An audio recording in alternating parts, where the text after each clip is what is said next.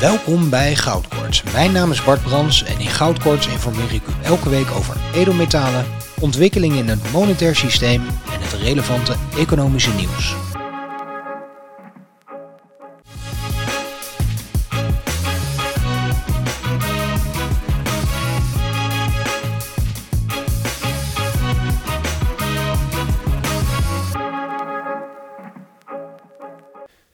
Welkom bij weer een nieuwe aflevering van Goudkorts, een initiatief van Gold Republic. Mijn naam is Bart Brands, ik ben de edelmetaalspecialist bij Gold Republic en ik begin direct even met de koers. Het is maandag, het is 11 december en het is ongeveer half vijf in de middag en de koers van goud is zo'n 59.300 euro per kilo. De koers van zilver zo'n 680 euro per kilo. Ja, en ik blijf direct even bij die koers hangen. Wat hebben we namelijk gezien? Niet afgelopen weekend, maar het weekend daarvoor sloten we het, uh, het weekend, of gingen we het weekend in met een nieuwe all-time high. Ja, een paar uur eerder had ik een video opgenomen waarin ik aangaf dat in heel veel valuta de koers van goud inmiddels een nieuwe all-time high had bereikt of daar net onder zat. Ja, en uh, nog een paar uur later was het zover, niet alleen in de euro, maar ook gemeten in dollars per ounce, een nieuwe all-time high. En wat mij uh, uh, heel goed stemde, één, we sloten daarmee. Hè, dus we gingen het weekend in met die nieuwe recordprijs. Maar ook in de vroege, vroege uurtjes op uh, zondagnacht zagen we dat die koers nog veel verder doorsteeg. Goud op een bepaald moment ruim 63.000 euro per kilo. En gemeten in dollars per ounce 2150 dollar per ounce. Ja, dat zijn best wel heftige nieuwe uh, records die er zijn neergezet.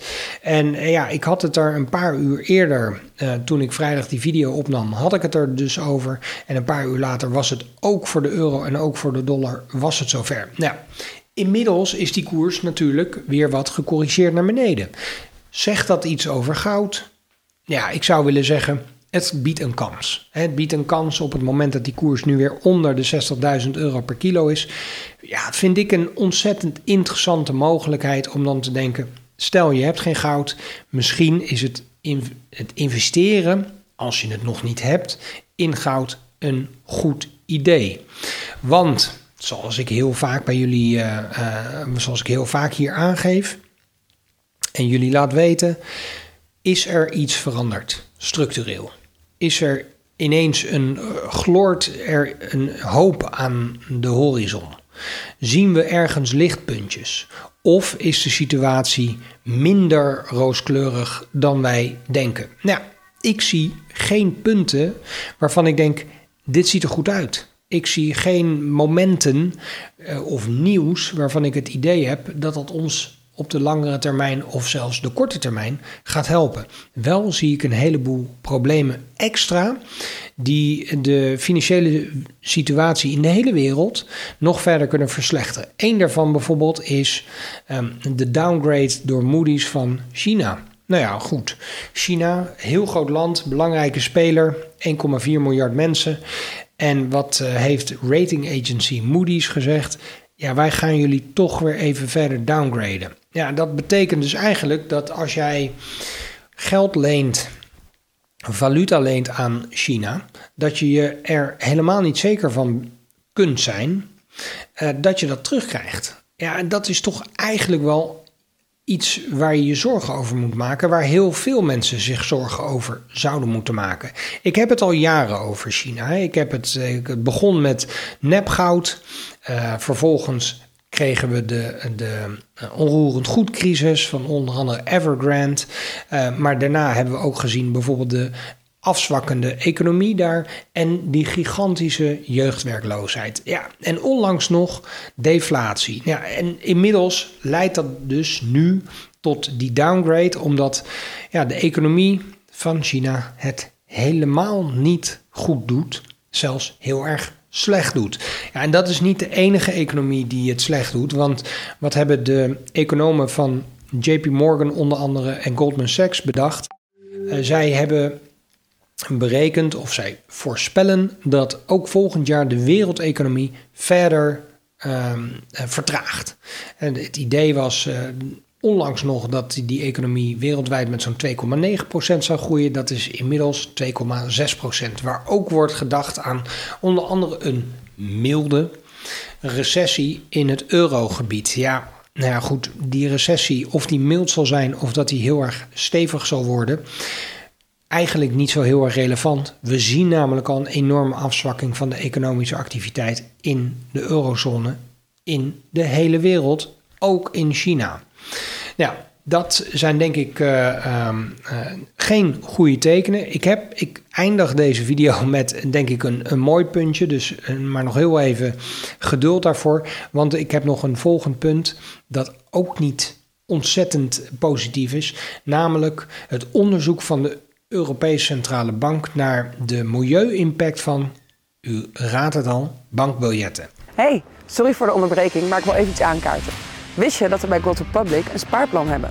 Met ons spaarplan beleg je automatisch elke maand in fysiek goud, zilver of platina. En dit kan al vanaf 50 euro. En als jij nu een spaarplan opent, krijg je elke maand 50% korting op jouw transactiekosten. Dus waar wacht je nou nog op? Klik nu op de link voor meer informatie. Nou ja, en daar is door een aantal politici, volksvertegenwoordigers, is aangegeven... ja, cash moet gewoon uh, bereikbaar zijn. Mensen moeten gewoon met cash kunnen betalen. Cash is belangrijk uh, in het dagelijks betaalverkeer voor heel veel mensen. Dus we moeten garanderen of zeker stellen dat cash nog te gebruiken is.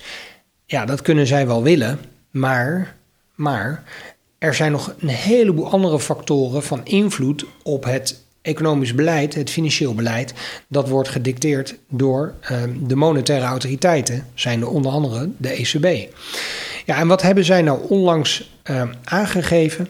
De milieu-impact van een bankbiljet, van creatie totdat die weer wordt versnipperd, staat tegenover, ja, ik geloof, 8 kilometer in de auto rijden. Ja, en wat is dat? Wat is dat?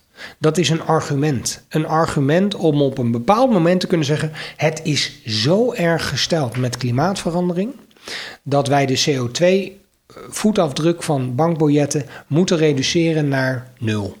En hoe doe je dat? Door cash af te schaffen. En dit is niet het eerste argument hè, dat is aangegrepen om de uh, roulatie van cash te verminderen. Wij kunnen geen briefje van 500 euro meer krijgen. Waarom? En voor de mensen die nog geen guldens hebben betaald, één, die gulden was natuurlijk veel meer waard. En twee, je had briefjes van 1000 gulden. Dat zou dus betekenen dat je nu briefjes zou eh, hebben circuleren van, ja, ik noem maar eventjes 1500 of 2000 euro. Die zijn er niet. Zelfs dat briefje van 500 euro wordt uit de roulatie gehaald. Want dat zou zogenaamd worden gebruikt door terroristen, uh, criminelen, witwassers, noem maar op. Dus dat was een argument om te zeggen: we halen die briefjes met grote getallen. Die halen we uit de markt. Daarna kwam natuurlijk uh, tijdens de corona-episode virussen kunnen op bankbiljetten gaan zitten. Dus betaal niet met cash. Uh, er zijn zelfs winkels gezegd: wij gaan helemaal cashvrij.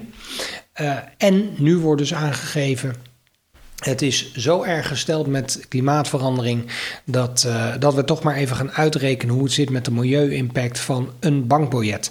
Ja, een paar weken geleden heb ik hier aangegeven: er zijn zoveel dingen in de wereld gaande op financieel vlak.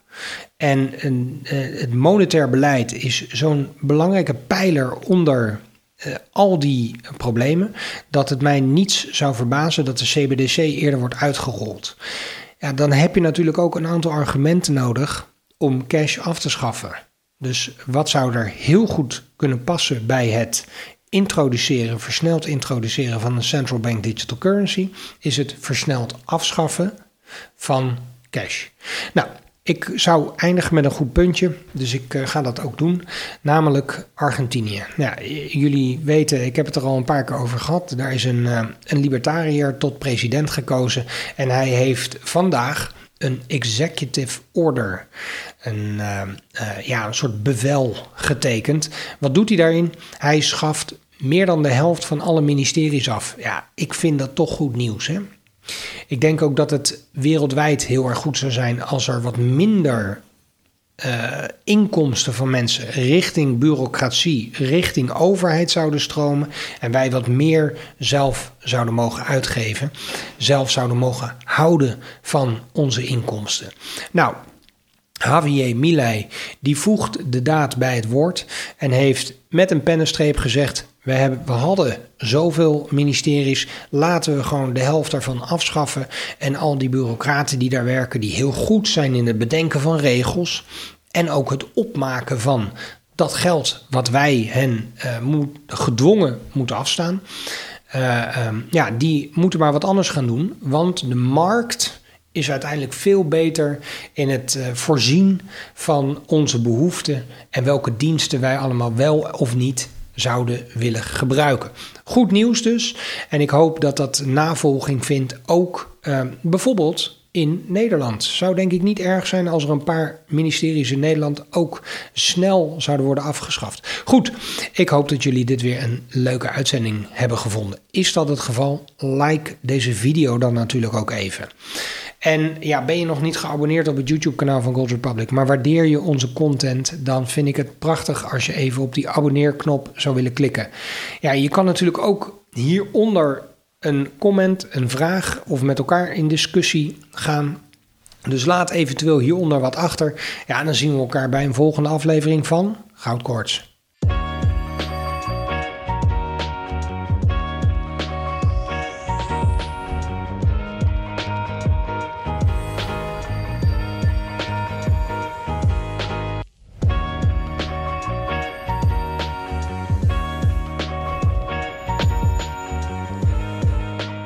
Dank voor het luisteren.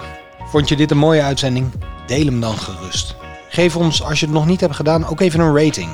Je kunt ook altijd even reageren op onze social media. Tot een volgende aflevering.